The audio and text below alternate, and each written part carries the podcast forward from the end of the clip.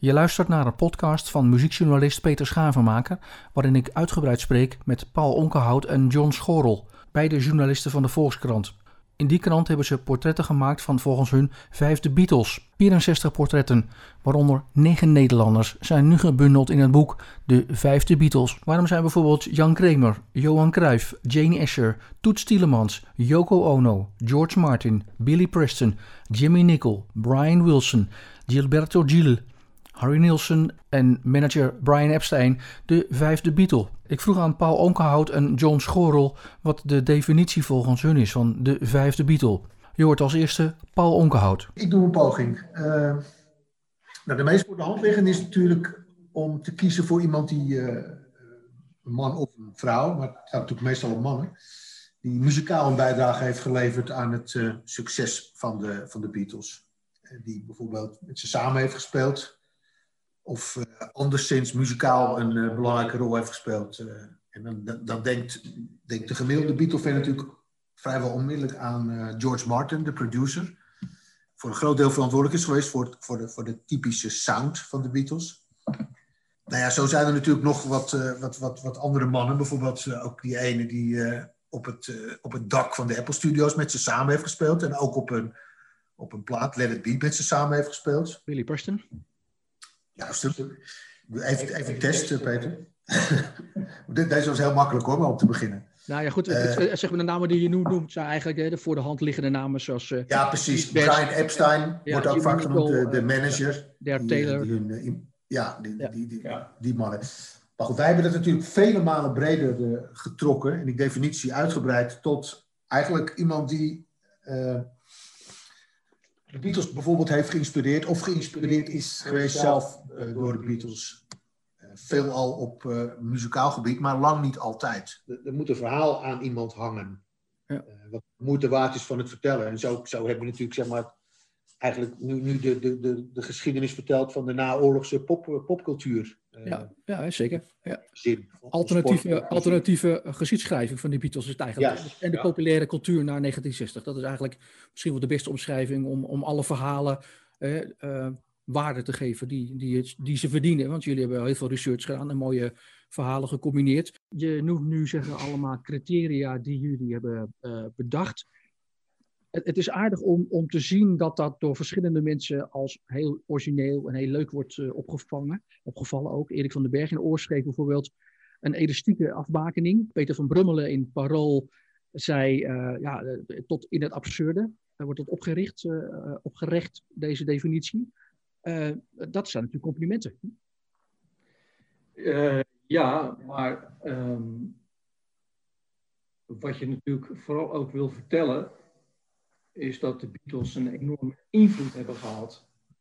En dat dat verder gaat dan um, een zielsverwant, maar dat het de aanzet is geweest tot iets heel groots.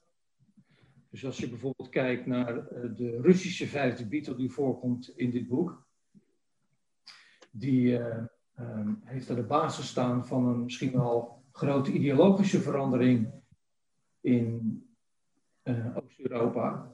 Wat misschien wel heeft geleid tot de val van de muur, zeggen mensen wel eens.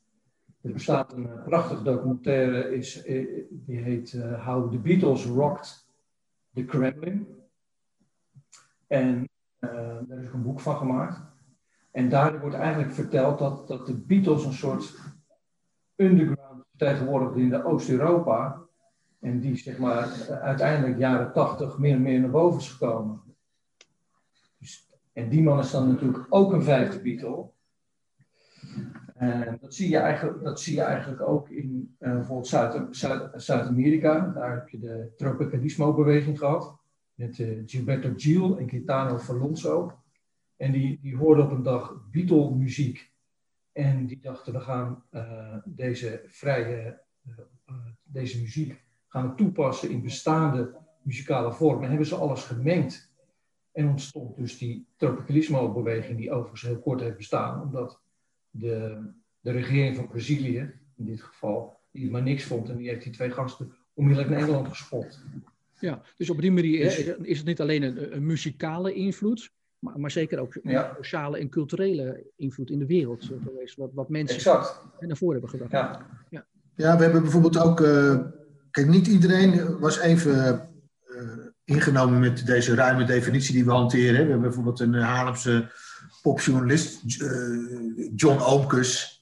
Die, ja, die, die, die, die, vond het, die vond het allemaal maar niks.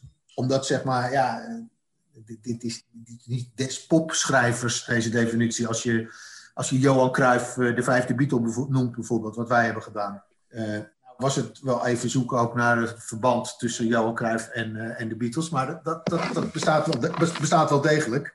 Ja, pagina 139 komen we zo meteen op te spreken. Hè, over zijn vijfde Beatle-rol. dit hele fenomeen hè, van vijfde Beatles eigenlijk niet nieuw. Het komt ook niet door jullie eh, boek. Jullie hebben een prachtige serie gemaakt in de voorkant. En nu zeg maar prachtig gebundeld in 64 portretten in dit boek.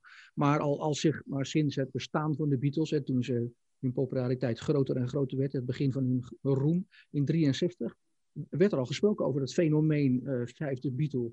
Zijn jullie altijd al gefascineerd geweest door dit hele fenomeen? Of? We kennen elkaar al uh, ruim, uh, ruim 30 jaar. En we vonden elkaar onder meer in niet alleen een liefde voor de journalistiek, voetbal en bier drinken, maar ook een liefde voor de Beatles. Uh, nou ja, toen hebben we het wel eens gehad, lang geleden, ergens in eind jaren tachtig, over onze favoriete LP. Dat bleek Rubber Soul te zijn. Ja, en vrij kort daarna hebben we het ook wel eens gehad over de vijfde Beatle. En het kwam vooral, denk ik, omdat ik George Best, de voetballer van Manchester United, uh, de, de, vijfde Beatle noemde.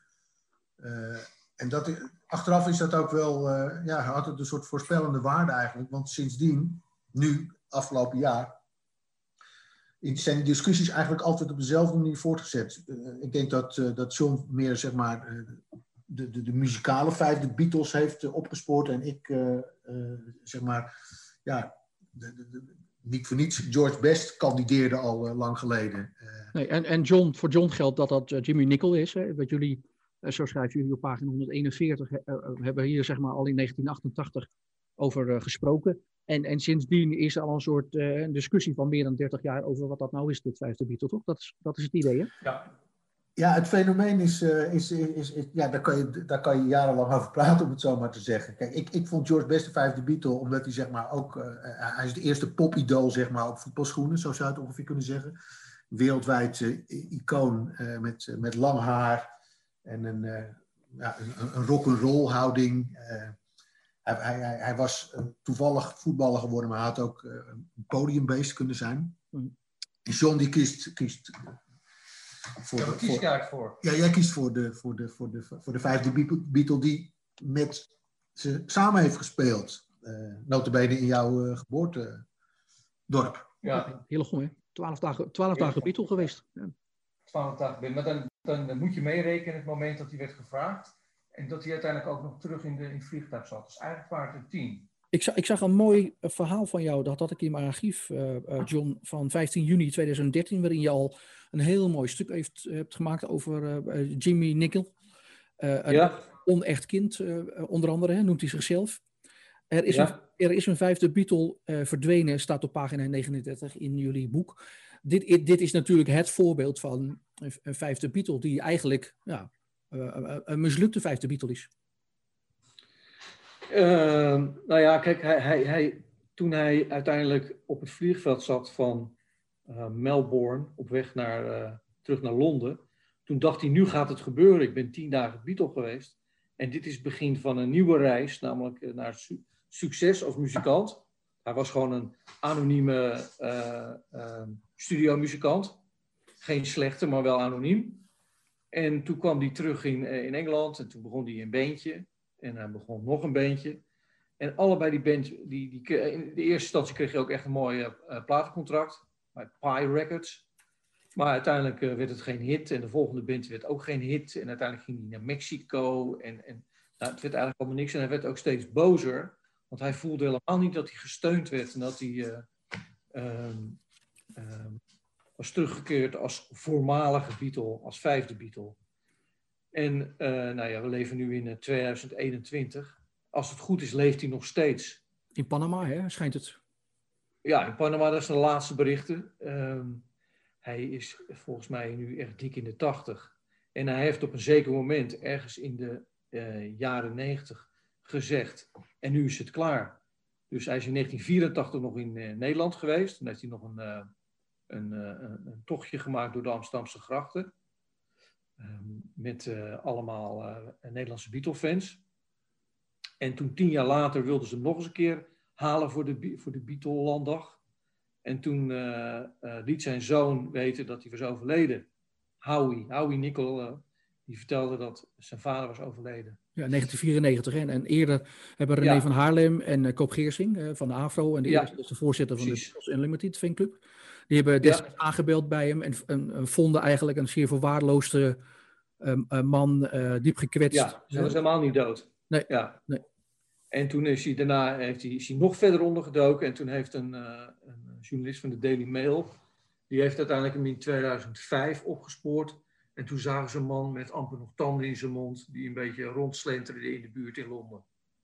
En dat is het laatste levende teken. Ik, ik heb in 2013, voor dat verhaal, uh, heb ik uh, gevraagd aan een, een, een, vriend van mij die in Londen woont, of hij naar het laatst bestaande adres van hem wilde gaan. Jamie Gold, die ging daar zoeken. En die kreeg toen te horen, hij heeft een Panamese, verkeer, hij heeft Panamese verkering. En waarschijnlijk zit hij daar. Laatste bericht nog, over, want er is één man die is geobsedeerd door Jimmy Nickel. Die, heet, die noemt zichzelf de Rock and Roll Detective, dat is een Australiër. En die uh, heeft een boek over hem geschreven, The Beatle Who Vanished. En die, um, die daar heb ik zeg maar één keer in de, in de maand contact mee. En die zijn laatste uh, bericht was dat hij toch ook misschien nog in Mexico zou kunnen zitten.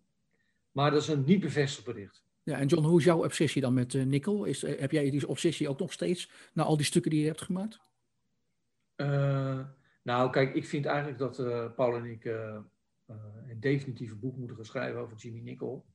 En dat gaan we dan schrijven op het moment dat we zeg maar in een klein barretje met een uh, cerveza met Jimmy Nickel drinken. In, in Panama ergens. In Panama. Ja. Dus het begin van het verhaal van het boek hebben we al.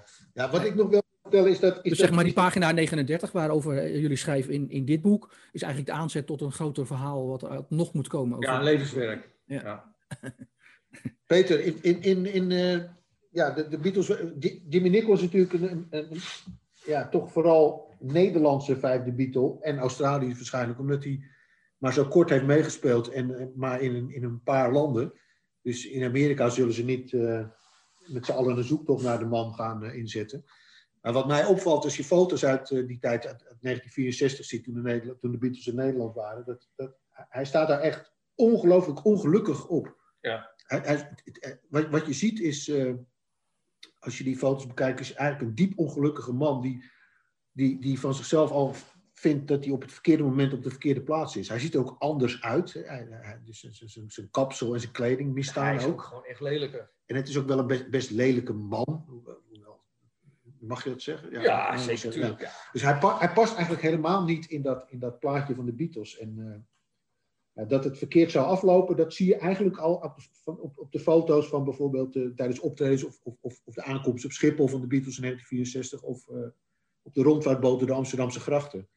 Dus de, de, de, het noodlot lag al eigenlijk inbesloten bij, uh, bij, zijn, uh, ja, bij, zijn, bij zijn tijdelijke rol. Ja, ik heb in mijn werkkamer een, een poster van uh, zeg maar dat bezoek in juni 64. En dan zie je alle, alle andere drie Beatles met een, een grote smile op die rondvaartboot zwaaien. En alleen die, die Nickel die kijkt, op, die kijkt weg en heeft een enorme grim op zijn gezicht. Dus, ja. ja. Ja, hij, hij, en die grim die bleef hij maar een beetje houden. Want hij is op een gegeven moment, dus toen hij in 1984 nog een keer naar Treslong kwam, toen rookte hij inmiddels pijp. En toen had dat merkwaardige kapsel, hè, dat naar voren kwam van je haar, dat had bij hem een nieuwe dimensie gekregen. En het leek een beetje op het, op het, op, het leek een beetje op, op, op een, op een, uh, een soort Thunderbird. Met van dat klikhaar. En uh, had ook een hele rare bril op. Dus hij, hij, je zag aan alles al, dit is gewoon geen Beatle. Hij is gewoon eigenlijk niet cool. Nog laatste dingetje over die Nicole. Die, die schijnt zijn horloge, zijn gouden horloge wat hij heeft gekregen. Het lijkt wel een 40-jarige bestaan bij een bedrijf, schijnt hij tegen een muur in Mexico gegooid te hebben, las ik. Ja, ja klopt. Ja, ja. ja, zeker. Hij heeft dat uh, tegen een muur gegooid in Mexico toen hij daar was. Hij heeft overigens ooit, ooit nog een keer een plaat gemaakt met allemaal uh, Mexicaanse muzikanten. Dat was, la, dat was heel lang een collectors item van je welste. Maar ik zag laatst dat hij gewoon opnieuw is uitgegeven. Daar kon je ook naar luisteren. Dat was echt goed. okay. je hem hoort, want hij zingt niet, maar hij speelt dus samen met een, met een aantal Marachi-muzikanten en een ja, volstrekt onbekende Engelse zanger. Je luistert naar een podcast van muziekjournalist Peter Schavenmaker, waarin ik uitgebreid spreek met Paul Onkenhout en John Schorel, beide journalisten van de Volkskrant. In die krant hebben ze portretten gemaakt van volgens hun vijfde Beatles. 69 zijn het er geworden, waarvan 9 Nederlanders. Deze 69 zijn nu gebundeld in het boekje De Vijfde Beatles. Nou, nou spraken we eerder in het, uh, in het gesprek al over uh, de, Johan Cruijff, hè, die op pagina 139 wordt neergezet als vijfde Beatle. En daar, daar zit ook een mooie link in met Frank Gering van de Analogs, die ook zegt van de vijfde Beatle dat zijn ze eigenlijk samen. Want uh, samen waren ze uh, veel meer dan uh, nou, de som der delen. Dat zegt Cruijff eigenlijk ook, maar daarmee maakt hij een vergelijk met de Rolling Stones in jullie boek. Ze zijn technisch wel goed, maar ze missen het aparte dat de Beatles wel hebben. Echt een Cruyffiaanse uitspraak, kan je bijna zeggen. is dat zeg maar de reden waarom hij toch een vijfde Beatle is geworden? Mede, zeg maar. Nou ja, hij, hij, hij is een van de grootste voetballers ter wereld geweest, en de Nederlander ook nog eens, die, die, die, zich heeft, die iets heeft gezegd over de Beatles. En uh, ook nog iets verstandigs heeft gezegd. Dus dat was sowieso al uh, reden hem om in ieder geval te nomineren. Was een goed criterium, zeg maar, om hem te plaatsen. Ja, kijk, Cruijff, ze zijn natuurlijk op dezelfde, in, dezelfde, in hetzelfde tijdvak zijn ze groot geworden. Uh, Cruijff die stond ook bekend om, om, om zijn lange haar. Die had toch een zekere popculturele bagage uh, droeg hij met zich mee. Uh, hoewel die lang niet zo vooruitstrevend was als, uh, als de Beatles. Dat is eigenlijk een hele oude, ouderwetse conservatieve man met Kruif, op jonge leeftijd al. Maar hij bleek ook wel, best wel liefhebber te zijn van de muziek. Hij had, bleek na zijn dood, had, hij, had hij flink wat Beatle-LP's in Barcelona staan.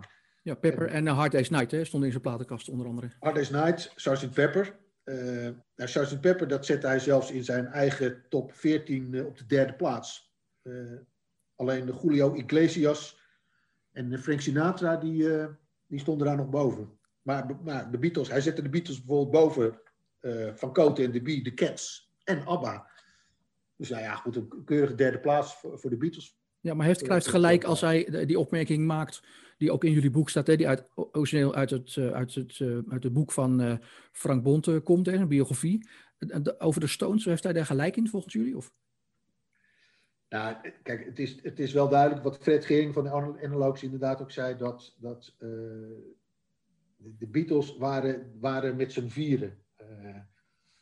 En, en de een leefde natuurlijk een belangrijke rol dan de ander, maar ze, ze tilden elkaar, zelfs Ringo Starr, met z'n allen tilden ze elkaar naar een, naar een ongeëvenaard hoog niveau. Uh, ja, ik ben geneigd te zeggen dat ze dat daarna als soloartiesten, dat ze daar slechts sporadisch nog in zijn geslaagd. Uh, ja, het hoge niveau hebben ze niet vast, vast kunnen houden. En het hoge niveau hebben ze bereikt omdat ze met z'n vieren waren. Mhm. Ja, dit is, dit is natuurlijk wat altijd een leuk spel is, vind ik zelf. Als je een plaat zou maken, of, of twee platen zou maken, van uh, Beatle solo nummers. Uh, en dan die bij elkaar zetten als de plaat die de Beatles nooit hebben gemaakt. Dus dan stel dat je dat doet, hè, je maakt 20 nummers en die zet je op die plaat. En dan nog is dat, niet een hele, is dat best een aardige Beatle-plaat, maar het is niet een geweldige plaat, omdat, ze, omdat uh, dat ene nummer van Ringo uh, pas meetelt bij een, op een echte Beatle-plaat, omdat hij past bij dat ene nummer van George Harrison of dat ene nummer van Lennon en McCartney. Ja, omdat het past binnen het uh, Jello Submarine concept bijvoorbeeld. Hè, en daar past het dan wel in, maar niet als solo, ja. ja solo single. Nee, dat is een plaats. Ja. Zeker. Ja. ja. dus als je nu uh, zeg maar uh, een, een van de Ringo Starr nummer achter een Paul McCartney nummer zet en daarna John Lennon, dan hoor je dat goede nummers zijn, maar het is niet een geheel, waardoor het ook niet meer is dan een, een aantal losse stukken. Ja. In het boek uh, komen twee mensen voor die eigenlijk de overtreffende trap van de vijfde Beatle uh, zijn. Hè? Brian Epstein uh, op pagina 23 en Klaus Voorman op pagina 103. En George Martin vind jij geen overtreffende trap? Nou, het staat, niet, het staat niet in dat stukje. Met de anderen hebben jullie het allebei wel genoemd. Oh, dan hebben we letterlijk de overtreffende trap genoemd. Ah, Oké. Okay. Okay. Ja. Ja? ja, ja. Dus George Martin hoort daar wel bij, zeg maar, toch? In die zin. Ja, ja. Wel, ja. ja. alleen het staat niet genoemd in het stukje wat jullie erbij hebben geschreven. Dat viel mij op. Goed gelezen, Peter. Ja, ja, ja. ja als ik een boekje lees, dan lees ik goed, toch? Ja. Maar, maar dat zijn zeg maar de drie overtreffende trappen van de vijfde Beatles. Ik vind eigenlijk, zeg maar, als je echt daadwerkelijk kijkt naar, naar het belang wat ze hebben gehad, dan is George Martin natuurlijk heel belangrijk voor de sound. En Epstein die heeft ze natuurlijk gewoon gekneed tot wat ze zijn geworden. Uh, en die hield ook een beetje het uh, clubje bij elkaar. Ja. En dat is natuurlijk Foreman, die heeft ook een hele belangrijke rol gespeeld. Zeker, maar niet, als hij niet had bestaan, dan hadden, hadden de Beatles wel bestaan, zou ik maar zeggen. Dus ja, er was er vast iemand anders die een cover uh, van, uh, van Revolver of een andere LP had gemaakt. Hè? Ja. Later natuurlijk. Toch, ja. ja. Maar, maar die Epstein die speelt natuurlijk een, een, ja, een belangrijke rol om ze bij elkaar te houden. Qua image, hè, uh, Martin is dat natuurlijk wat betreft de muziek. Terwijl Martin eigenlijk zelf ook heeft gezegd, ja, there's no such thing as a fifth Beatle. Ja, dat heeft hij natuurlijk gezegd, want hij weet dat er maar vier Beatles zijn. Dus je kan het ook op meerdere manieren uitleggen. Maar kijk, hij heeft natuurlijk gewoon. Kijk, hij heeft die jongens heeft die, uh, uh, de trucendoos uh, gegeven. En vervolgens zijn ze zelf, de trucendoos noem ik dan de studio. En vervolgens zijn ze daar zelf mee aan de slag gegaan. Je moet eens kijken in een korte tijd hoeveel geweldige platen ze hebben gemaakt. En dat konden ze natuurlijk in het begin alleen met George Martin. En uiteindelijk toen ze zijn gestopt met optreden, konden ze dat ook zelf. En toen raakten ze natuurlijk totaal in de ban van het maken van, van, van platen. Totdat op een gegeven moment Epstein uh, uh, uh, kwam en die, die zorgde er ook voor dat ze inderdaad naartoe gingen naar de studio. En toen Epstein in 1967 kwam te overlijden, je werd het allemaal wat rommeliger. Dan ging iedereen, iedereen een eigen kant op. Ja. ja. Het is allemaal erg anders uitrazen. Ja, dus Epstein was het imago-cement en Martin was zeg maar het muzikale cement van, van het zakelijke cement ook. Ja, zakelijk, ja, ja, ja. ja. Die zat natuurlijk boven op de centjes ook. En wat vinden jullie uh, eigenlijk elk van zeg maar, de, de manier waarop George Martin zijn rol heeft uh, vervuld? Wat, wat, wat is jullie eigen mening daarover? Nou, ik vind, ik vind hem. Uh, ik, ik, ik vind het heel interessant dat hij zo bescheiden is gebleven iedereen heeft, heeft zeg maar, het succes van de Beatles voor een niet onbelangrijk deel aan hem toegeschreven. Dat, dat, dat staat als een paal boven water. Uh, hij heeft cruciale ingrepen in de muziek gedaan, in, in, in nummers. Er zijn hele boeken over verschenen. Uh, de, hij heeft heel veel, veel, veel, muzikale hoogstandjes bedacht. Uh, terwijl mensen geneigd zijn om te denken dat Lennon of McCartney het hebben gedaan. Dat heeft hij gedaan. Mm -hmm is een hele bescheiden, bescheiden vent gebleven die, uh, die een kolossaal oeuvre heeft opgebouwd. En dat vind ik echt, dat vind ik echt magistraal. En hij is ook in, in die idiote wereld waarin de Beatles uh, in 1963, vanaf 1963 zo'n beetje in verkeerde, is hij ook heel kalm gebleven. En tot op hoge leeftijd heeft hij gewoon gedaan wat hij het beste kon, namelijk uh, muziek maken. En op een gegeven moment is hij vredig over, overleden in, nou ja, en dat na, na, na, na een verblijf in de wereld van de rock and roll, die, uh, nou ja, waarin toch wel het een en ander te beleven viel.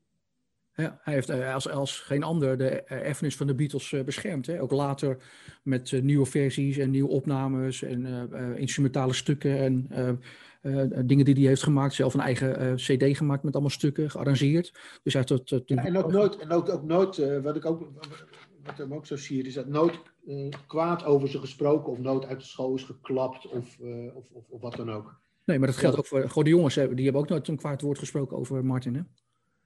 Nee, nee, nee, nee. Er was een enorm respect. En uh, er, er, zullen ongetwijfeld dingen gebeurd zijn in de studio die, nou ja, waar de kranten wel in, in, in geïnteresseerd zouden zijn geweest. maar maar ja, daar heeft, dat, dat, daar heeft hij zich nooit toe laten verleiden om, uh, om uit de school te klappen. En dat, dat zie je hem ook. Hij heeft uh, een enorme solidariteit uh, getoond met, met de Beatles. Ja. Is dat de reden dat jullie schrijven, iedereen wist hoe groot zijn rol was, pagina 49? Ja, want de, de, kijk, Lennon en McCartney vooral maakten er zelf ook geen geheim van. En, oh, dus jaren na het uiteenvallen van de Beatles ja, stond onomstotelijk vast dat zijn rol muzikaal cruciaal was geweest. Nou, Lennart zegt in jullie boek, George Martin heeft ons groot gemaakt in de studio. Hè? Ja. ja. Nou, en, en ja, ik vind toch altijd het mooiste stukje is, is de, het arrangement van Eleanor Rigby.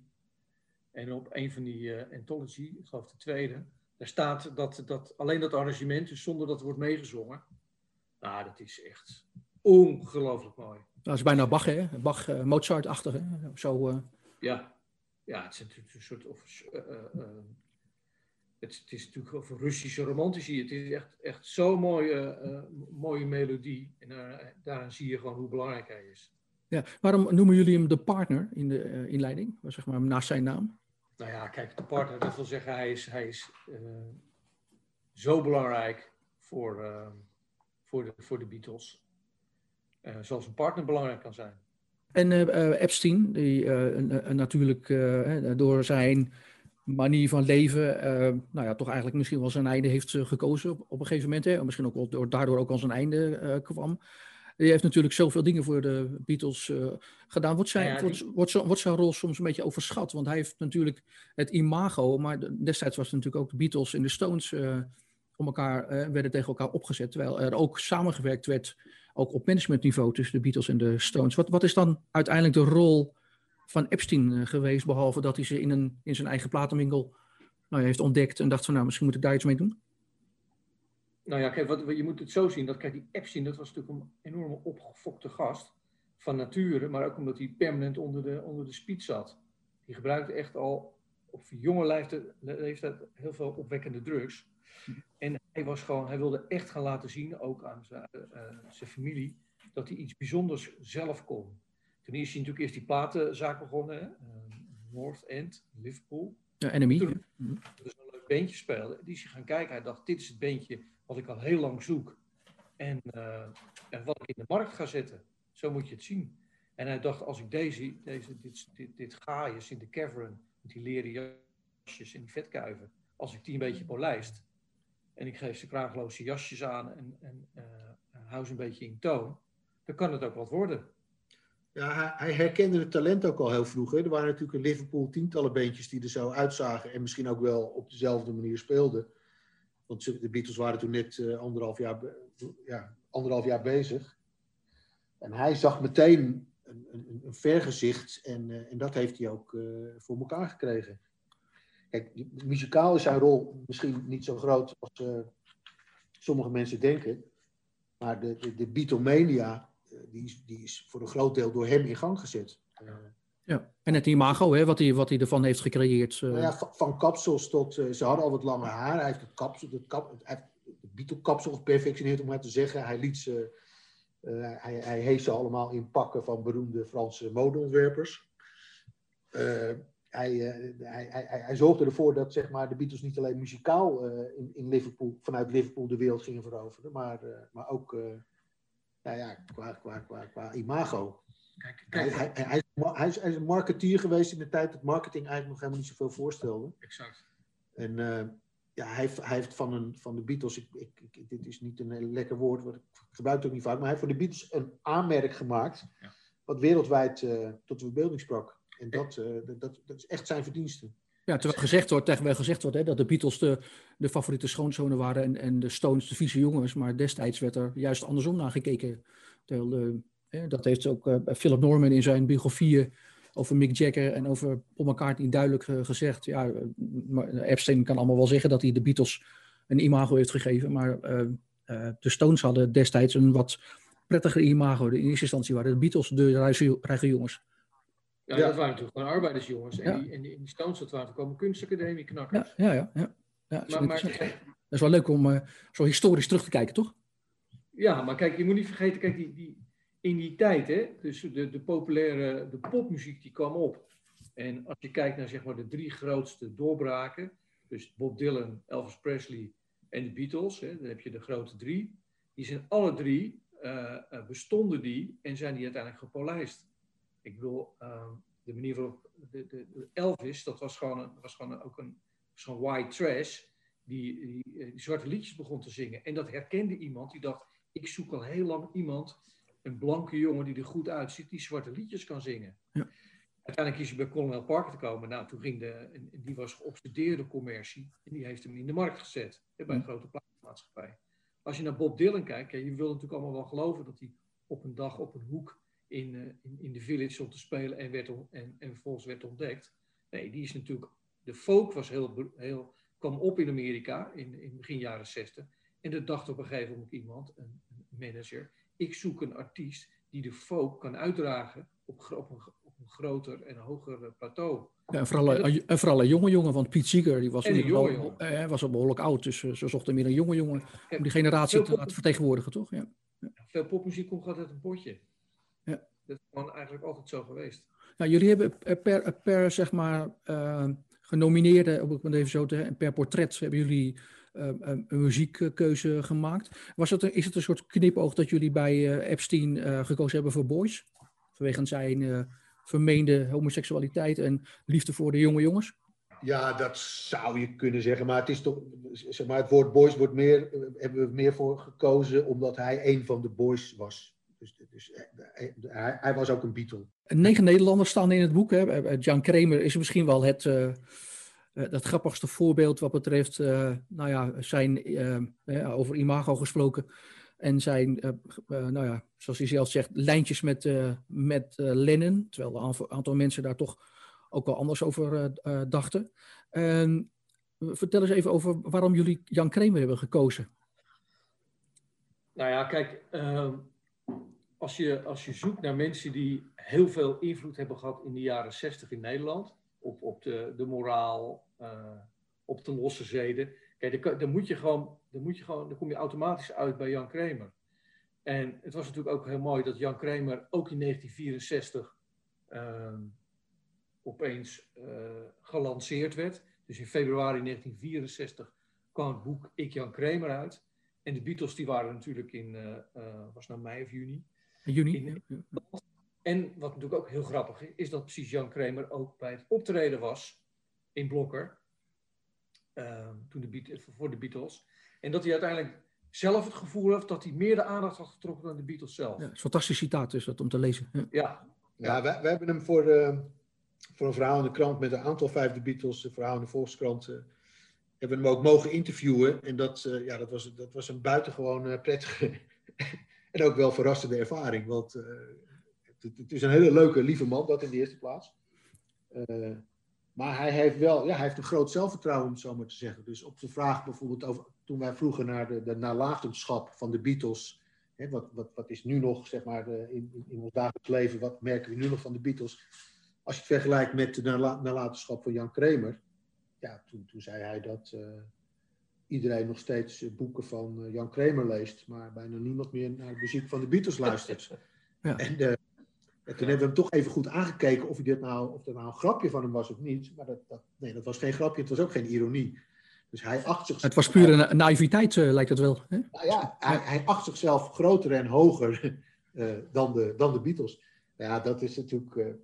Ja, dat is toch heel grappig. Daar waren overigens ook weer, wel, wel weer mensen boos over. Hè? Die gingen boze brieven schrijven naar de krant. Want ja, je kan er inderdaad wel wat op afdingen, maar goed, dat, dat, dat typeert hem wel een beetje. En, en hij, heeft, ja, hij claimt bijvoorbeeld ook dat hij Linda Eastman uh, aan, aan uh, Paul McCartney heeft, uh, min of meer heeft gekoppeld. In ieder geval dat, dat hij ervan voor, verantwoordelijk is dat Linda en Paul op een gegeven moment een relatie kregen en later trouwden.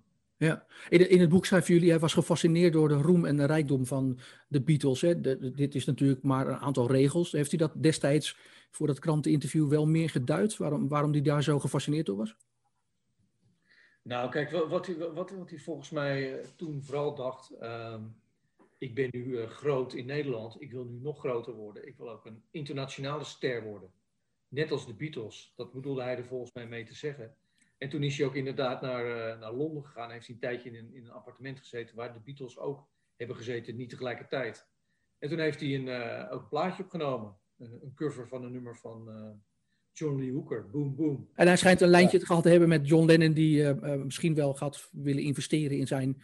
Ja, misschien van, wel, van zijn boek Ik Jan Kramer. Hè? Dat ja. verhaal ja. wat, en hij heeft het bijna aan de telefoon gekregen, ja. ja. ja.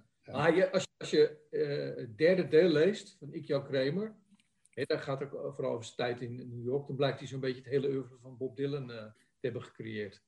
Zonder Kramer was er sowieso geen Bob Dylan geweest. Dat bravoer geldt ook voor Hans Boskamp, hè? die uh, ook zegt ja. dat hij uh, John Lennon, uh, maar da daadwerkelijk daarvan is bekend dat hij wel heeft gezorgd dat ze naar het Hilton kwamen en later naar Wenen zijn gegaan en dat hij eigenlijk degene was die bepaalde wie wel of niet in suite 902 in het Hilton kwam. Dus hij had wel een, daadwerkelijk een lijntje. Dat is toch iets heel anders dan Kramer. Hè? Dat, leggen jullie mooi uit op pagina 45, terwijl jullie Boskamp portretteren. Dat is, dat is prachtig, een prachtig verhaal, hè? Ja, dat is het. ja, hij, hij, werkte voor een platenmaatschappij in, uh, toen, toen, toen John en Joko die kamer in het Hilton Hotel betrokken. Maar ja, dat, dat, dat, was maar één, één, één hoofdstuk in zijn, in zijn lange carrière. Hij heeft, een, hij heeft een hele veelzijdige carrière gehad, in, bijvoorbeeld als acteur. En een van de redenen dat hij ook de vijfde Beatle is geworden, dat is, is dat hij lange pier speelde in de televisieserie Flores in 1969. Ja, en de Griek in Ja, zuster, nee, zuster. Veel mensen gaan zeggen, ja, waarom ben je dan vijfde Beatle? Ja, dat kan ik ook niet zo goed uitleggen. Maar we vonden het natuurlijk wel in, in zo'n boek belangrijk dat, dat, dat de, de ridderserie Floris werd genoemd. Hè? Rutger Hauer als Floris, Paul Verhoeven, de eerste, de grote project van Paul Verhoeven. Uh, Gerard Soeterman, die het, uh, die het scenario schreef. Dus, ja, en, en, en daar was Hans Boskamp was daar, de, speelde daar de, schurk, de, piraat. En dat heeft op, uh, nou, in ieder geval op ons, maar op, op, op, een hele generatie heeft het een onuitwisbare indruk gemaakt. En ja, dat die man dan vele jaren later naast John Lennon en Yoko Ono op een groot bed in het Hilton Hotel gaat liggen, dat is, uh, ja, dat is natuurlijk fantastisch. Ja, ja dat is een gabber, gabber hè, met, wat kwam ook door het voetbal. Hè, dat, ja, nee, dat was natuurlijk ook zo wonderlijk dat hij, dat hij zei dat hij, dat hij gelijk zo lekker met John Lennon kon kletsen. Uh, ook omdat ze allebei voetbalfans waren. En uh, hij vertelde dat hij nog bij Ajax had gespeeld. En, maar je moet weten dat John Lennon in het geheel geen voetbalfan was. Dus de, vra de vraag is natuurlijk of die anekdote klopt. Ja, ja. Uh, negen Nederlanders van de 64. Was dat moeilijk, moeilijk om, om te kiezen? Of hebben jullie een, nog een aantal weggelaten? Ik las dat jullie onder andere, ik vind hem de Nederlandse Paul McCartney, Jorik van Noorden, uit hebben gelaten. Dat is wel jammer, vond ik. Nou ja, die staat, hij, hij komt wel uh, voor in het nawoord. Hè? Dus we hebben hem in ieder geval wel genoemd, want dat vonden we belangrijk. Uh, ja, we, we, konden niet verder gaan dan, dan 64. Mocht er een, uit een nieuwe versie komen van deel 2, dan maakt hij een, een, een goede kans. Dus When, I'm, 64 is het eigenlijk, hè? Misschien, toch? Komt het daardoor? Ja, Peter. Is dat uh, de achterliggende grapje? Ja, ja, ja. ja, ja, ja. Er waren ook zelfs op de krant uh, nog uh, mensen die, uh, die toen we al maanden bezig waren, zeiden van... God, dat is ook toevallig dat jullie John en Paul heten. Ja. Ja. Zo, zo, ondertekenen we de stukjes ook. Maar Jorik van Noorden, die, die, die heeft echt wel ehm, zeg maar het DNA van Paul McCartney in zich. Ja. Dus wij noemen, de Nederlandse Paul McCartney vind ik hem eigenlijk, hè, als je zijn platen Mecca Junior, Mecca Junior. Oh ja, dat is nog mooier. Ja, dat is nog mooier. Ja. Ja. Nou, nou hebben jullie natuurlijk uh, ook wat, wat uh, nou, heel verrassende namen. De, ik, ik, noem bijvoorbeeld de, de rapper, hè, de, de, rapmuziek, de Black Beetle, pagina 51, ja. Kalif. Dat vind ik echt een geweldige keuze om die, om die te kiezen. Nou ja, kijk, wat je, wat je ook in zo'n boek wil laten zien, omdat je toch de alternatieve geschiedenis van de popmuziek beschrijft, moet je eigenlijk in elke genre moet je daar iets Beatle-achtigs terug kunnen vinden. Nou, wat je, wat je natuurlijk ziet is dat heel veel hiphoppers uh, delen uit Beatle-nummers gebruiken. Paar weken geleden is, is er een hip-hop, uh, hip-hopper overleden, die heette Doom FM of MF. Ja. En die had bijvoorbeeld een heel deel uit Dear Prudence gebruikt. Um, en er zijn er heel veel hiphoppers die delen van, van Beatle-nummers gebruiken. En wat deze jongens hebben gedaan met de Black Beatles, hè, daar, die, die wilden dus laten zien, wij willen, wij willen niet Paul uh, uh, of, of um, John dissen, maar wij willen een soort eerbetoon maken. En wij willen worden zoals zij. Dus vandaar de Black Beatles. Ja, maar hè, daaruit blijkt gewoon net dat de muziek van de Beatles hè, nog steeds zoveel invloed heeft, zelfs in de, in ja. de, in de hip-hop en de rapmuziek. Ja. ja. Dat is ook, een, ook, een manier om dit hè, dan te duiden, op deze manier. Nou ja, je kan, wat ook wat heel grappig is, maar daar hebben we geen uh, voorbeeld van opgenomen in het boek. Er zijn uh, complete uh, Beatle-platen zijn nagereggaeed. Dus een hele reggae, een hele plaat van zeg maar de White Album, maar dan helemaal in reggae. of Sgt. Pepper helemaal in reggae. Dat, er zijn heel veel Beatle-covers bestaande in allerlei genres. of soms in barok, in, in, in jazz, in, in, folk, in blues. In koren, hè, zangkoren. Koren, ja. ja, A cappella groepen. In Engeland, de Kingsingers hebben uh, iets van vijf of zes platen opgenomen. Geheel a cappella gezongen. Vracht, fantastisch om te luisteren. Ja, is heel mooi. Ja. Oké. Ja. Maar kijk, dat, en wat ook van groot belang is, is dat we, uh, vind ik zelf, de analogs hebben genoemd. Want wat de analogs betekenen, die betekenen eigenlijk heel veel voor de, voor de Beatles. Ze hebben ervoor voor gezorgd dat er nog steeds en opnieuw naar de Beatles wordt geluisterd. En op zo'n bijzondere manier. Mm. Aanvankelijk denkt iedereen, ah, dat ga ik niet, dat, dat is niks. En uh, hoezo? En het, ze lijken er niet op. En, uh, maar het is zo bijzonder, zeker als je het live ziet. Dus dat zij echt dat, dat Beatle-geluid kunnen live op de planken kunnen zetten. Ja. ja, en ook de mensen rondom de Beatles uh, hebben, hebben dat gewaardeerd. Hè? Zelfs Paul McCartney schijnt, ja. uh, althans de broer van Paul McCartney heeft het aan zijn broer uh, doorgegeven dat hij ernaar moet luisteren. Dus las ik. Ja. Toch? Mike.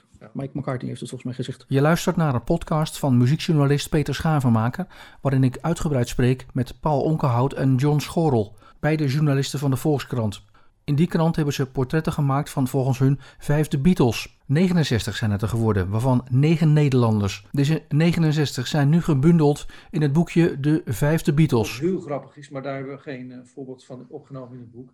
Er zijn uh, complete uh, Beatle-platen zijn nagereggaeed.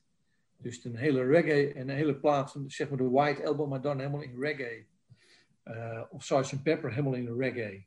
Dat, er zijn heel veel Beatle-covers uh, bestaan in allerlei genres. Ja. In, of soms in barok, in, in, in jazz, in, in, folk, in blues. In koren, hè, zangkoren. Koren, ja. A cappella groepen. In Engeland, de Kingsingers hebben uh, iets van vijf of zes platen opgenomen. Geheel a cappella gezongen. Vracht, fantastisch okay. om te luisteren. Ja, is heel mooi. Nou hebben we net uh, allerlei mannen besproken. Er zijn natuurlijk ook vrouwen die uh, in jullie boek voorkomen.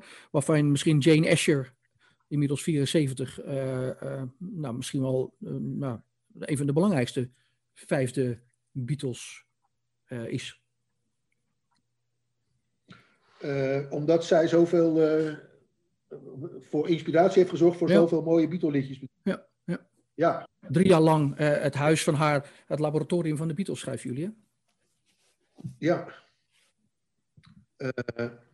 ja, van uh, We Can Work It Out tot All My Loving and I Love Her, Here, There and Everywhere, You Won't See Me, For No One, uh, zijn allemaal grotendeels door Paul McCartney geschreven met, met haar in gedachten, of in ieder geval met haar aan zijn zijde, uh, in, in, in haar ouderlijk huis. ja, dat, dat betekent dat zij muzikaal een enorme bijdrage heeft geleverd aan, aan, aan, de, aan de mannen. Ja, er is niet één vrouw in de wereld die zo'n wezenlijke bijdrage heeft geleverd aan het oeuvre van de Beatles, schrijven jullie. Maakt, ja, ik denk dat maakt dat haar zeg maar, de, de vijfde vrouwelijke Beatle? Uh, ja. ja. Bovendien is het ook uh, een vrouw om al vrij snel een zwak voor te hebben. Uh, niet in de laatste plaats omdat zij na, na, na, in, het later, in, haar, in het later deel van haar leven een heel behoorlijke actrice. Ze was al actrice toen ze Paul McCartney ontmoette, maar mm. dat, dat, is ook. En, en, later werd ze in Engeland ook nog eens beroemd omdat ze kookboeken uitbracht met recepten voor cake en cupcakes en zo, wat natuurlijk ook uh, uh, zeer sympathiek is. Maar wat zegt, dat zegt ook wel wat over haar, want dit was echt een hele keurige vrouw. Dit was niet een van de, ja, in de wereld van de rock and roll had, kon zij eigenlijk haar plaats niet vinden. Dat is eigenlijk ook de reden geweest dat die relatie op de klippen liep. Uh, maar wat haar ook bijzonder maakt, is dat zij de enige ex is van alle Beatles die in de publiciteit nooit iets gezegd heeft over die periode. Nee, ze heeft nooit een boek uh, uitgebracht. Uh, nee, nooit een boek, nooit een grote interview in een van de Engelse kranten. Hebben jullie het wel geprobeerd om haar te benaderen, of ooit? Nee, maar dat, dat, dat, ja... Waarschijnlijk ook heel weinig kansen, want ze heeft zich uh, teruggetrokken. Als je foto's van Jane Asher ziet uit de jaren 60 en 70, dan, dan is dat wel een goed idee, ja. Misschien ja. kunnen we als gaan naar Jimmy Nicol in Panama een tussenlanding maken in Engeland. dan ja, daar, ja, ze wordt in april 75, dus misschien een goede gelegenheid. 5 april wordt ze ja. 75. Dus. Dus misschien een goede gelegenheid om daar een mooi portret over te maken in de krant. En dan, want het ziet er, ziet er mooi uit. Want ik heb een paar foto's gezien uh, hoe ze er nu uitziet. En ze heeft natuurlijk ook ja. niet alleen uh, in, qua inspiratie op dat zolderkamertje of wat het ook mag zijn geweest. op elke plek misschien een mooi lang groot bed. inspiratie gebracht door Paul McCartney, maar later ook de broer, haar broer is natuurlijk Peter en Gordon. en Asher, ja, Asher is later een hele beroemde manager geworden in de Verenigde Staten. En ja. Haar, moeder heeft uh, McCartney muziekles gegeven. Dus ja, alle ingrediënten om haar zo die status te geven, toch? Ja. ja. Het is ook, er zit ook wel een soort, uh, nou ja, zoals het als bij alle exen, een, een, een, een tragische ondertoon uh, is het te ontdekken. Omdat ja, die mannen gingen natuurlijk vreemd bij het leven. Uh, ja, en daar had Jane op een gegeven moment natuurlijk ook genoeg van. Mm. het waren absoluut geen, uh, geen uh, trouwe echtgenoten of echtgenoten. Uh, en ja, dat is natuurlijk ook iets wat je gaandeweg nog maar eens een keer ontdekt als je met zo'n boek bezig bent met al die afleveringen. Ja, dat ze echt een, een, een krankzinnig opwindend leven hebben die, die mannen. en dat ze, ja, zeg maar, in, in, in, in, in een tijd dat de, rock, de, de wereld van de rock and roll groter en groter werd, ja, dan stonden zij in het middelpunt. Ja, en dat wordt, gestaafd, wordt gestaafd door al die leuke weetjes hè, die jullie brengen. Ja, en dat ging dat, ja, vrouwen, maar ook drugs bijvoorbeeld. Hè. Ze, hadden, ze hadden niet zo'n, eh, ze hadden best wel een goed imago, eh, die mannen. Waren redelijk keurig op het eerste gezicht, in, de eerste jaren van het bestaan. Maar ondertussen zaten ze aan de drugs en uh, sleepten ze de ene naar de andere vrouw naar een hotelkamer. Ja, nou ja, goed, ze gingen ook met de Stones om. Hè. Die hadden natuurlijk daar experts in, dus dat betreft... Uh, Hadden van geleerd. Ja. Ze zaten op een gegeven moment onder éénzelfde management. Dus ja, wat wil je ook anders, lijkt me toch? Ja, de Beatles en de Stones. Ik heb ook Bill Wyman geïnterviewd en die zei tegen mij dat ze dat destijds het wasgoed noemden. De meisjes eh, die nodig waren voor het vreemdgaan. En dat ze dan vroegen of het, was, het wasgoed verschoond kon worden. Ja, oh. ja geweldig hè? Ja. Ja. Uh, Toet Sielemans uh, is natuurlijk een, geen Nederlander, maar een Belg. Maar een prachtig verhaal over de Rickenbacker gitaar in het, 8 februari 1964, toen ze in Amerika waren voor het eerst. Um, ja. Ja, dat is natuurlijk ook een legende. Uh, en later door uh, Julian Lennon op Too Late or Goodbye, zoals jullie schrijven, uh, geëerd. Ja, ja, die had natuurlijk niet mogen ontbreken, toets. Nee, het was natuurlijk sowieso ook, wilden we vertellen over hoe het nou komt eigenlijk dat de Beatles nooit in België hebben opgetreden. Um, dat konden we hier goed mengen met zeg maar, het verhaal rond Toets Stielemans, die toch op een hele bijzondere manier aan de, aan de, aan de Beatles werd geknoopt. Maar uh, als we het verhalen mogen geloven, waren de Beatles ook van plan naar België te gaan. Maar uh, heeft een of andere pannenkoek van de BRT vergeten terug te bellen. En daardoor uh, gingen ze sowieso naar Nederland, maar bleven ze ook langer in Nederland.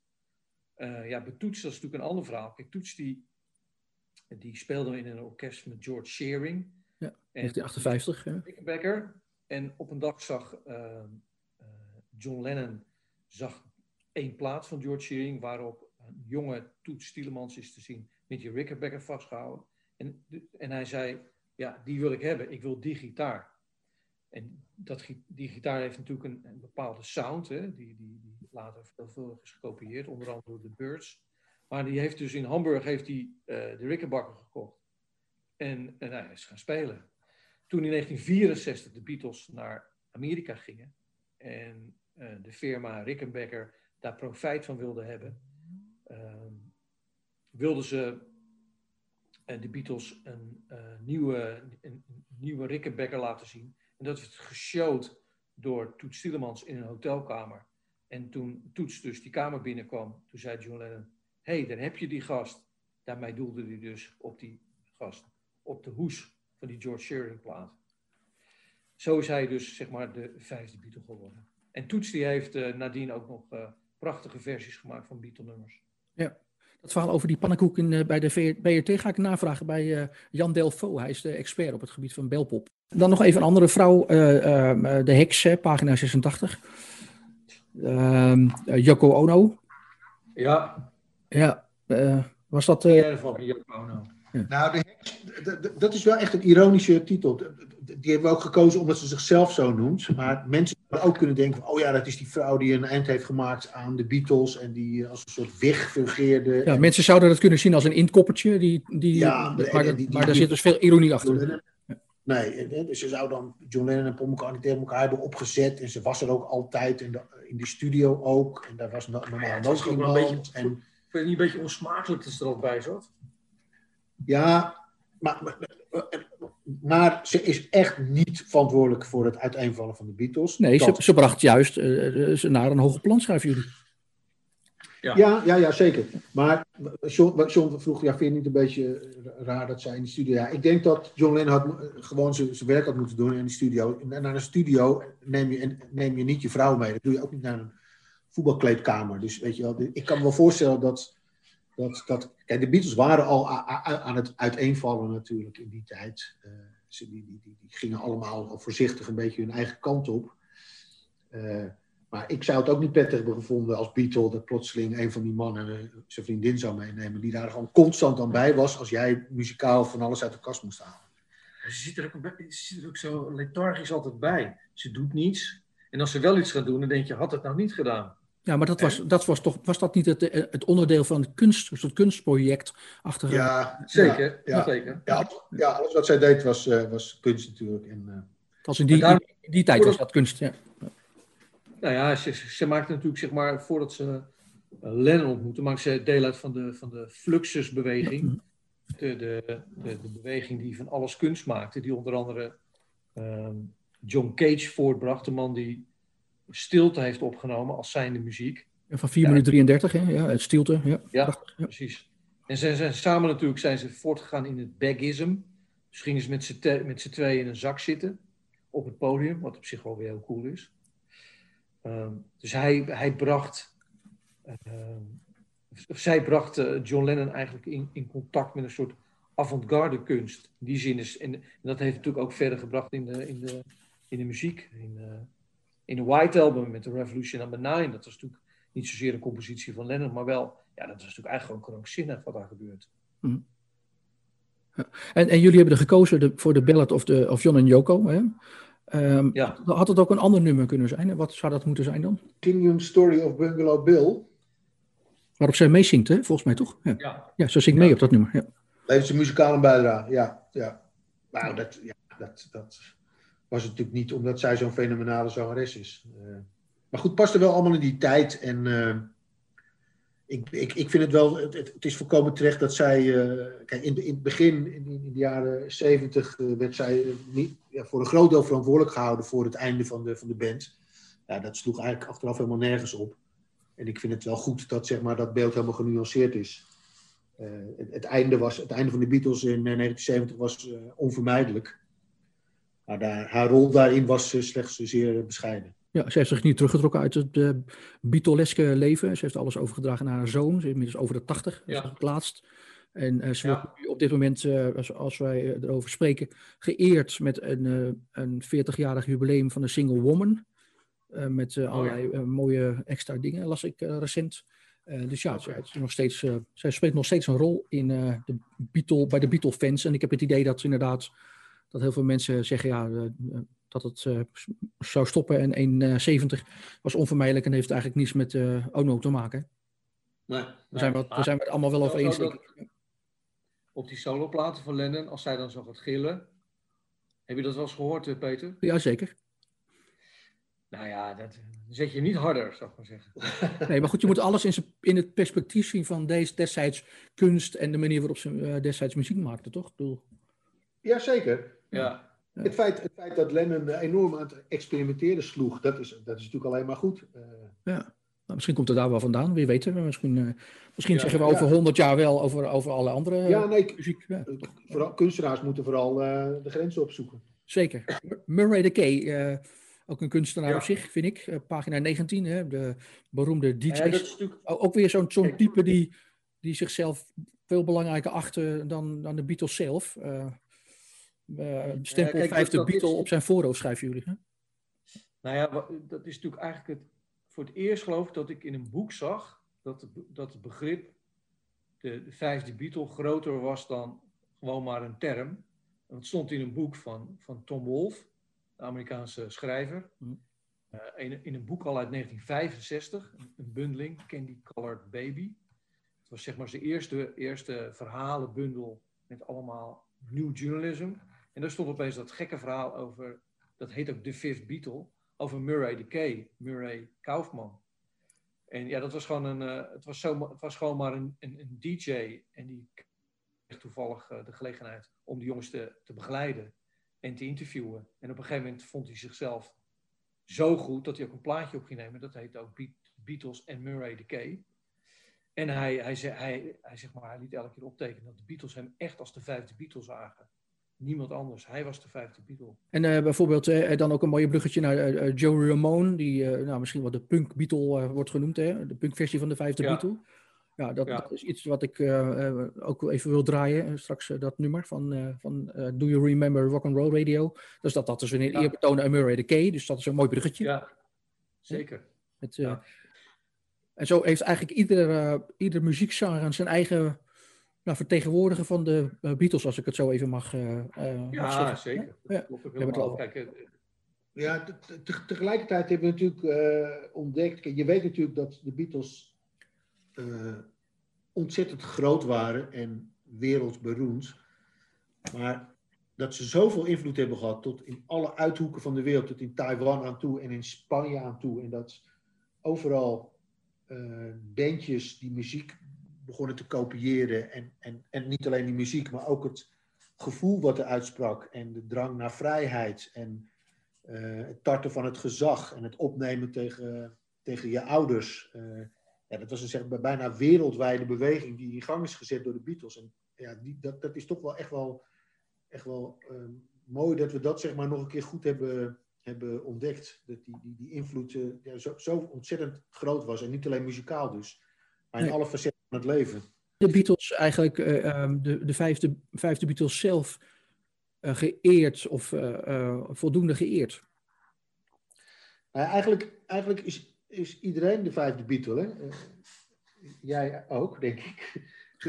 ik, ik ja, jij zeker, Peter. Maar dat, is even, dat is een van de vragen die ik wilde stellen. Of, of ik ook een vijfde Beatle genoemd mag worden. Want ik heb misschien wel een, kleine, een, een paar kleine accolades, zeg maar. Ik heb bijvoorbeeld Piet Best geïnterviewd.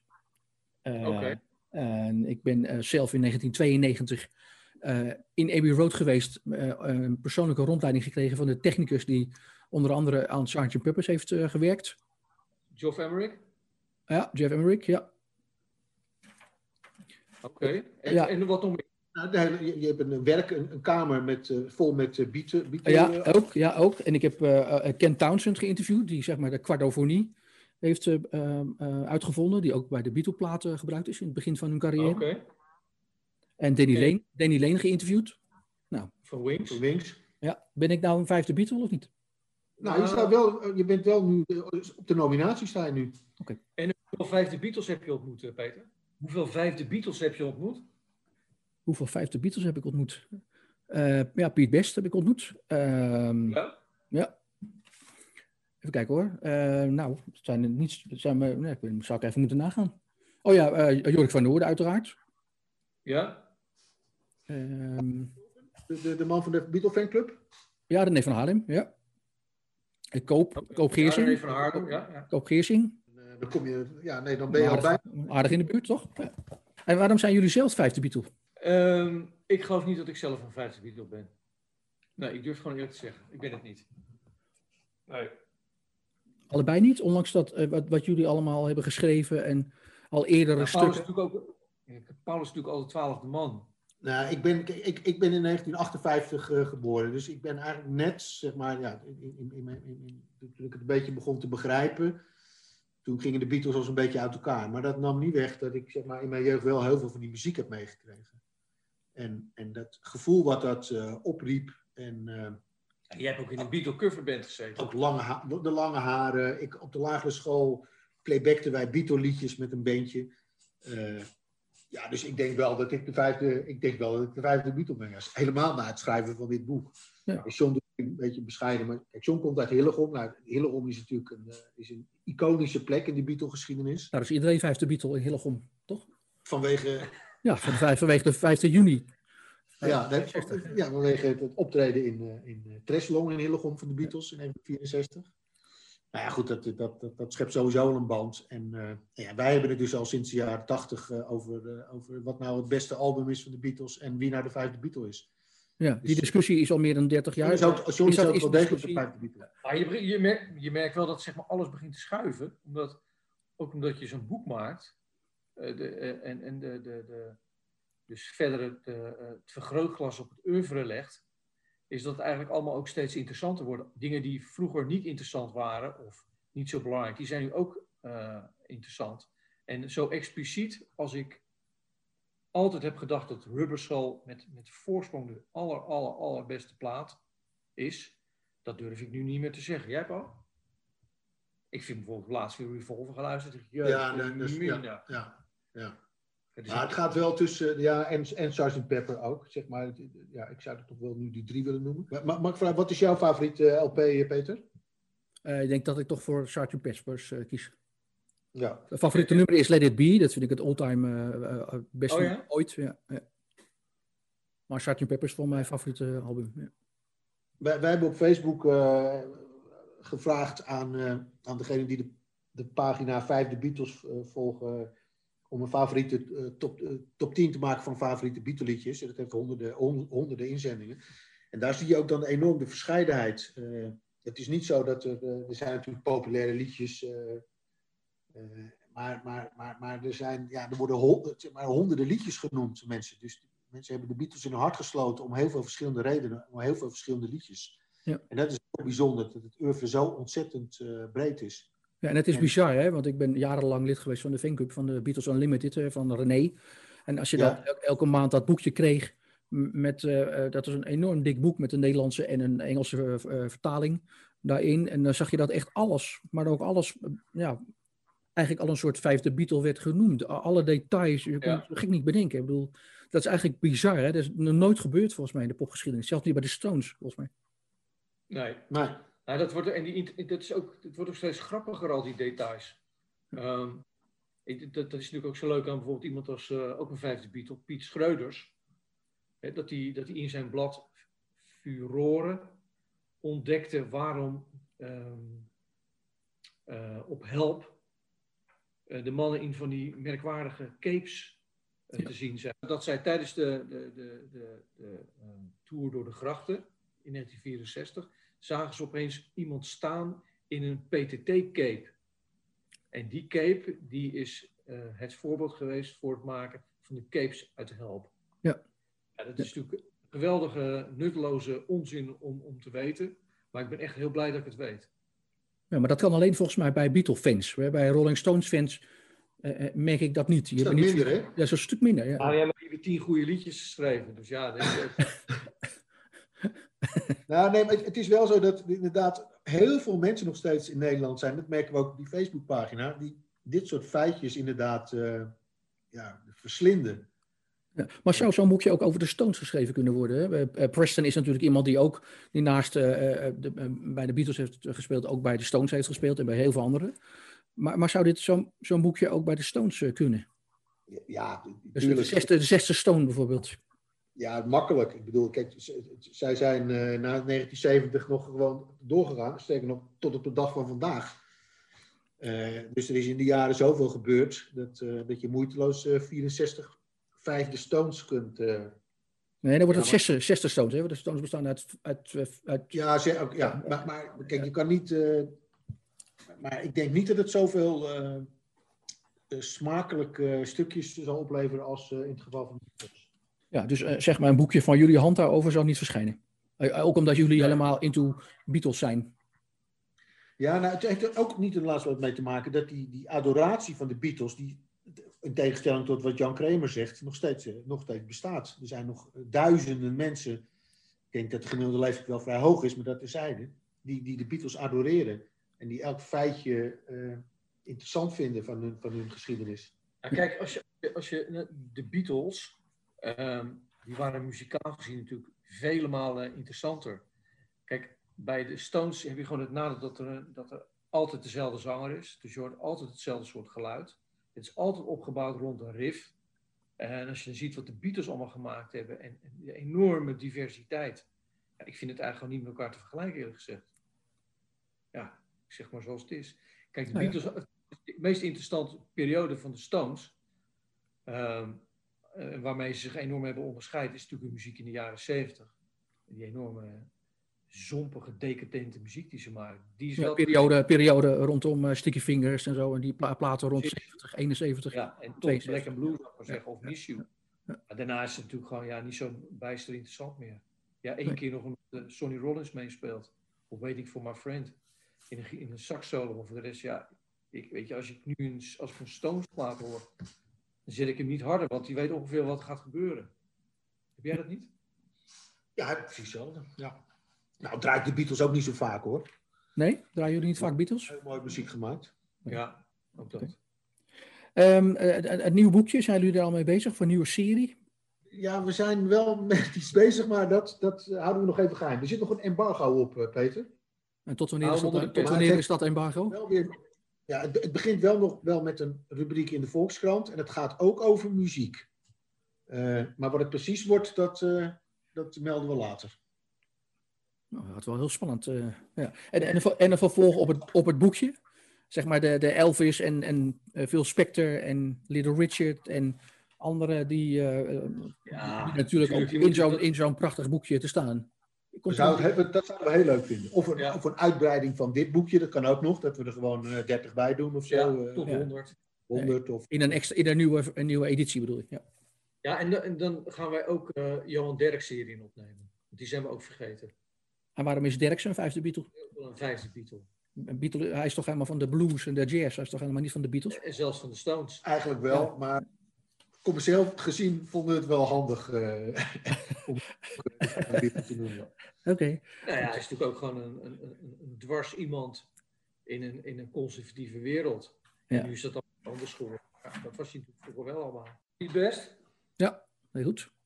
Ja. ja. En je hebt, hoe, hoe, was hij om in te interviewen, Peter? Heel open, heel aardig, heel aardige man. Ja, zeker. En ja. heeft hij ook verteld over zijn hele moeilijke periode die hij heeft gehad? Ja, volgens mij wel, maar ik zou het even terug moeten lezen. Het is al een tijdje geleden, 2002 volgens mij, maar dat uh, zou ik even terug moeten lezen.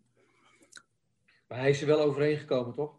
Ja, want hij is, uh, als je nu kijkt op Facebook, dan is hij weer helemaal uh, weer terug. En zijn zoon ja. Rock, die, die heeft een soort Beatle-achtig museumpje gemaakt in de nieuwe Cavern Club.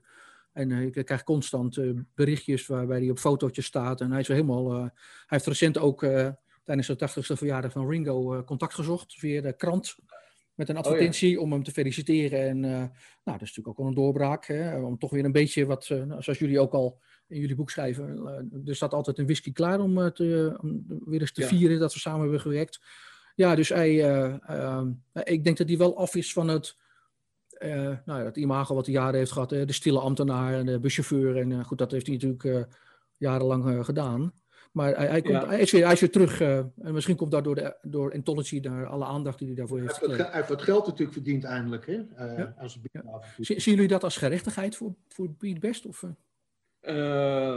nou ja, kijk, ik, ik, ik kan zijn rol eigenlijk uit die begintijd amper beoordelen. omdat je wat hij heeft gedaan zo weinig onderscheidend is eigenlijk. Hoe hij, wat, wat heeft hij nou werkelijk bijgedragen aan de sound? Dat is toch, ja volgens mij, uh, nee, ik kan niet spreken van gerechtigheid.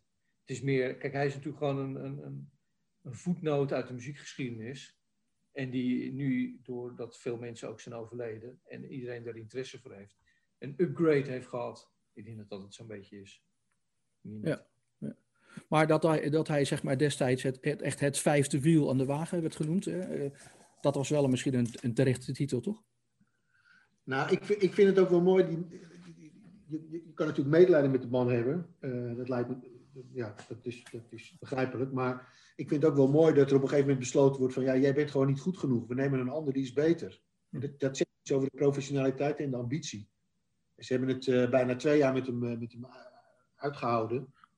Ja, zij maakte stappen voorwaarts en waren van plan om de wereld te veroveren. En hij kon dat tempo niet bijhouden. Nou, dan moet je dan kan je twee dingen doen. Je kan uit een soort vriendschap en liefde zeggen, nou ja, oké, okay, we blijven toch bij elkaar. Uh, de Beatles hebben gezegd van, uh, nee, we willen voor, vooruit. Uh, we moeten een beter hebben op, jou, op jouw plek. Nou, dat, dat bepaalt ook het succes van een, van een band. Ja, er zijn misschien twee mensen in de geschiedenis die echt vijfde Beatle waren, hè? en dan doe jij op Stu? Billy Preston? Nee. Die, die op... Uh... Letterlijk de vijf Ja, letterlijk, ja. Letterlijk, ja. Tony Sheridan. Mm -hmm. uh, Stu. Stu Sutcliffe. Ja, dat zijn volgens mij de enige twee, want die hebben zeg maar in de periode dat de Beatles uit vijf personen bestaan. De vijf ja. band waren. Ja. ja. Tot eigenlijk tot, tot eind 61, toen ze uit Hamburg vertrokken. En toen, toen werd het een viermans bintje. Ja, dat zijn letterlijk, letterlijk, de vijfde Beatle, toch? Ja, ja klopt. Klopt, Peter. Ik vond, het, eh, ik vond het leuk. Dank jullie. En, en dank voor jullie inspirerende boek over de vijfde Beatle en alle, alle leuke weetjes. Ik heb het als Beatle-fan, maar ook als popjournalist eh, met zeer veel plezier gelezen. Oké. Okay. dankjewel. Bedankt voor dit leuke gesprek.